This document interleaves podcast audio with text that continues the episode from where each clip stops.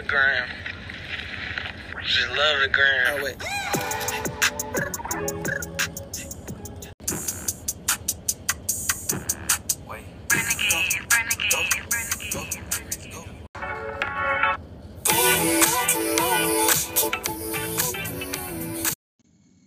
TikTok is a new trend that is enveloping the time of teens across the nation.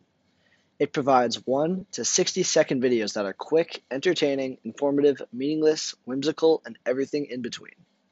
Teens are attracted to this platform both because of the accessible short entertainment and the ability to go viral with no established following. People such as Charli D'Amelio, Matt Petito, Joey Nero, Max Dressler, and many others have gained internet stardom overnight because people enjoy their content. These are just normal teens who now have millions of followers and a cult following solely because they posted a couple funny videos that gained some traction. This ideal is attractive in this modern era of influencers and social media icons. This is opposed to an app like Instagram where it can take years to build a base of followers of comparable size.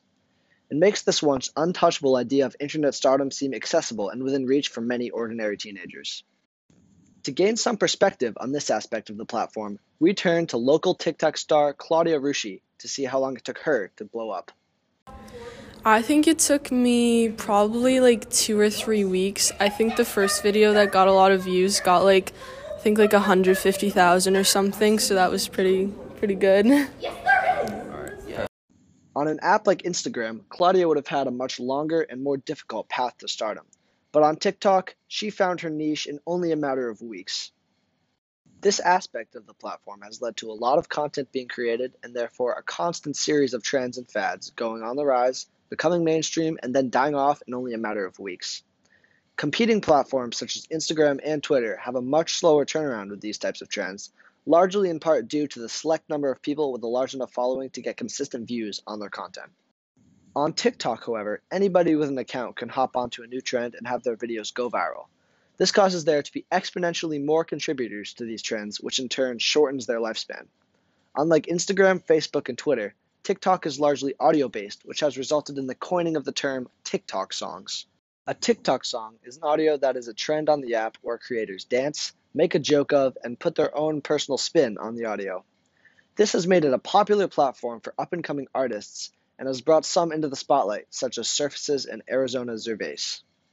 But again, like the jokes they fuel, these songs will all eventually be exchanged for newer audios, therefore opening up the door for new memes and dances. Songs like Renegade, Roxanne, Break My Stride, and Say So had their time in the spotlight, but like all other TikTok audios, they were tossed aside in favor of newer and fresher trends. This is one of the reasons that TikTok is so addicting, because no matter how much you watch it, it just never gets old. There's always something new, something funnier, something more relatable. This app is a dangerous combination of entertaining, addictive, and different that has captivated the attention of virtually all of teenage America. Thanks for listening, guys. This is Caleb Schmidt signing off.